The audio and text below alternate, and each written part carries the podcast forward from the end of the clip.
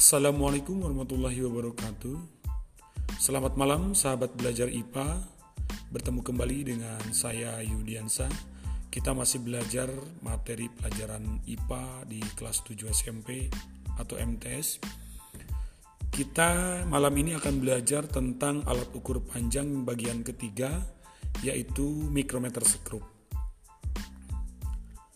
Mikrometer sekrup biasa digunakan untuk mengukur benda yang sangat tipis, misalnya ketebalan kertas.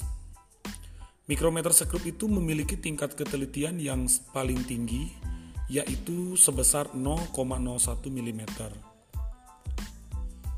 Cara kerja mikrometer sekrup adalah jika selubung luar dengan skala 50 diputar satu kali, maka rahang geser dan selubung akan bergerak maju atau mundur. Jarak maju atau mundurnya rahang geser sejauh 0,5 mm per 50 maka menghasilkan tingkat ketelitian 0,01 mm. Jika diperhatikan bagian-bagian dari mikrometer skrup ada landasan tetap, kemudian ada landasan yang digeser atau skrupnya yang bisa maju mundur. Kemudian ada lengan mikrometer skrup, Kemudian ada roda bergerigi, ada pengunci, dan pada batang yang diam itu adalah skala utama.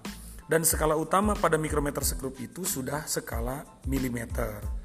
Kemudian pada bagian yang bisa kita putar itu adalah skala nonius. Dan skala nonius itu juga dalam eh, 0, mm ya dipakainya. Nah, lebih tepatnya bagaimana cara menggunakan atau mengukurnya menggunakan mikrometer skrup. Untuk mengukur mikrometer skrup itu, pertama kita buka penguncinya ya ke arah sebelah kiri kita, kemudian putar bagian pemutarnya, masukkan benda yang akan diukur, kita putar kembali untuk digeser. Setelah tertekan atau sudah rapat, maka diputar penguncinya barulah kita baca Eh, skala yang tertera pada mikrometernya. Lihat skala utamanya menunjukkan berapa, kemudian lihat skala noniusnya berapa. Nah, sebagai contoh misalkan pada skala utama kita mendapatkan angka 3, kemudian ada strip yang di bawah itu adalah 0,5 berarti tertunjuk 3,5 mm. Sedangkan skala noniusnya misalkan menunjukkan angka 12, maka itu 0,12 mm. Tinggal dijumlahkan, hasil pembacaannya 3,5 mm ditambah 0,12 mm. Maka akan menghasilkan pembacaan 3,62 mm. Kalau disentikan menjadi 0,362 cm. Seperti itu cara menggunakan mikrometer skrup.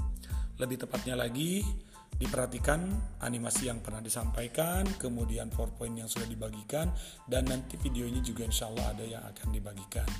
Di siaran podcast ini memang agak sedikit sulit mungkin menjelaskan uh, teori, akan tetapi tidak menutup kemungkinan bisa terbayang dan juga menjadi satu bagian pembelajaran yang tidak terpisahkan dari rangkaian kegiatan belajar kita di kelas maupun di luar kelas. Terima kasih banyak atas perhatian. Jangan lupa selalu semangat untuk belajar dan terus ikuti podcastnya setiap malam jam 7.30. Kang Yudi selalu siaran di saluran ini. Terima kasih banyak. Wassalamualaikum warahmatullahi wabarakatuh.